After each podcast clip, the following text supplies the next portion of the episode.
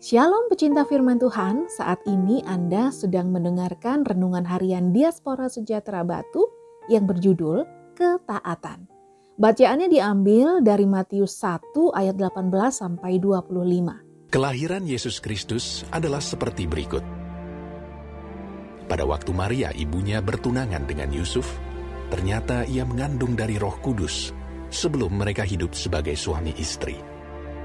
Karena Yusuf suaminya seorang yang tulus hati dan tidak mau mencemarkan nama istrinya di muka umum, ia bermaksud menceraikannya dengan diam-diam.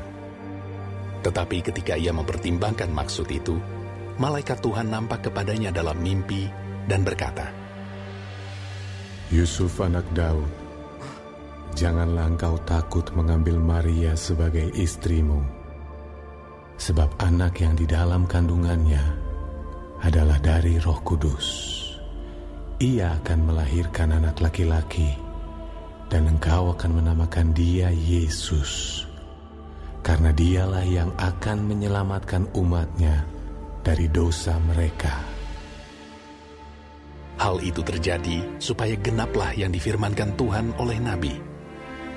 Sesungguhnya anak darah itu akan mengandung dan melahirkan seorang anak laki-laki, dan mereka akan menamakan dia Immanuel, yang berarti Allah menyertai kita. Sesudah bangun dari tidurnya, Yusuf berbuat seperti yang diperintahkan malaikat Tuhan itu kepadanya. Ia mengambil Maria sebagai istrinya, tetapi tidak bersetubuh dengan dia sampai ia melahirkan anaknya laki-laki, dan Yusuf menamakan dia Yesus.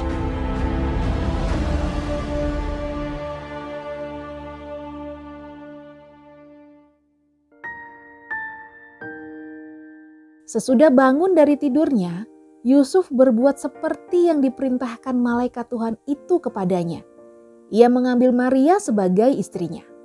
Matius 1 ayat 24. Sudah ribuan tahun orang-orang percaya merayakan Natal. Natal jadi bukti kasih Allah kepada manusia yang membuat hubungan manusia dengan Allah bisa kembali harmonis. Dan perlu kita ingat, Natal tidak lepas dari pribadi Yusuf yang taat melakukan kehendak Allah dalam hidupnya. Ketaatan Yusuf terhadap Allah sudah memberikan teladan dan pelajaran bagi setiap orang percaya, termasuk saya dan Anda.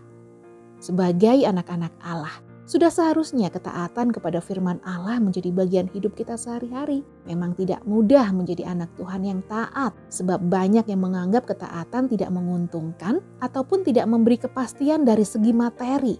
Tapi jangan lupa, ketaatan berdampak pada kekekalan. Selain itu, ketaatan juga berdampak terhadap orang-orang yang ada di sekitar Anda. Jika tahun 2022 ini kita masih diizinkan Tuhan untuk merayakan Natal, Mari kita pakai kesempatan ini untuk membangun hubungan dengan Tuhan lebih intim lagi dan jangan merasa sudah puas hanya dengan menjadi pengikut Kristus tapi tidak memiliki ketaatan kepadanya. Apakah ketaatan kepada Tuhan masih ada dalam diri Anda atau ketaatan tersebut mulai hilang? Tetaplah taat pada Tuhan sampai akhir hidupmu karena ketaatan yang dimiliki Yusuf memberkati banyak orang. Dan dalam keadaan sebagai manusia, ia telah merendahkan dirinya dan taat sampai mati, bahkan sampai mati di kayu salib. Filipi 2 ayat 8. Tuhan Yesus memberkati.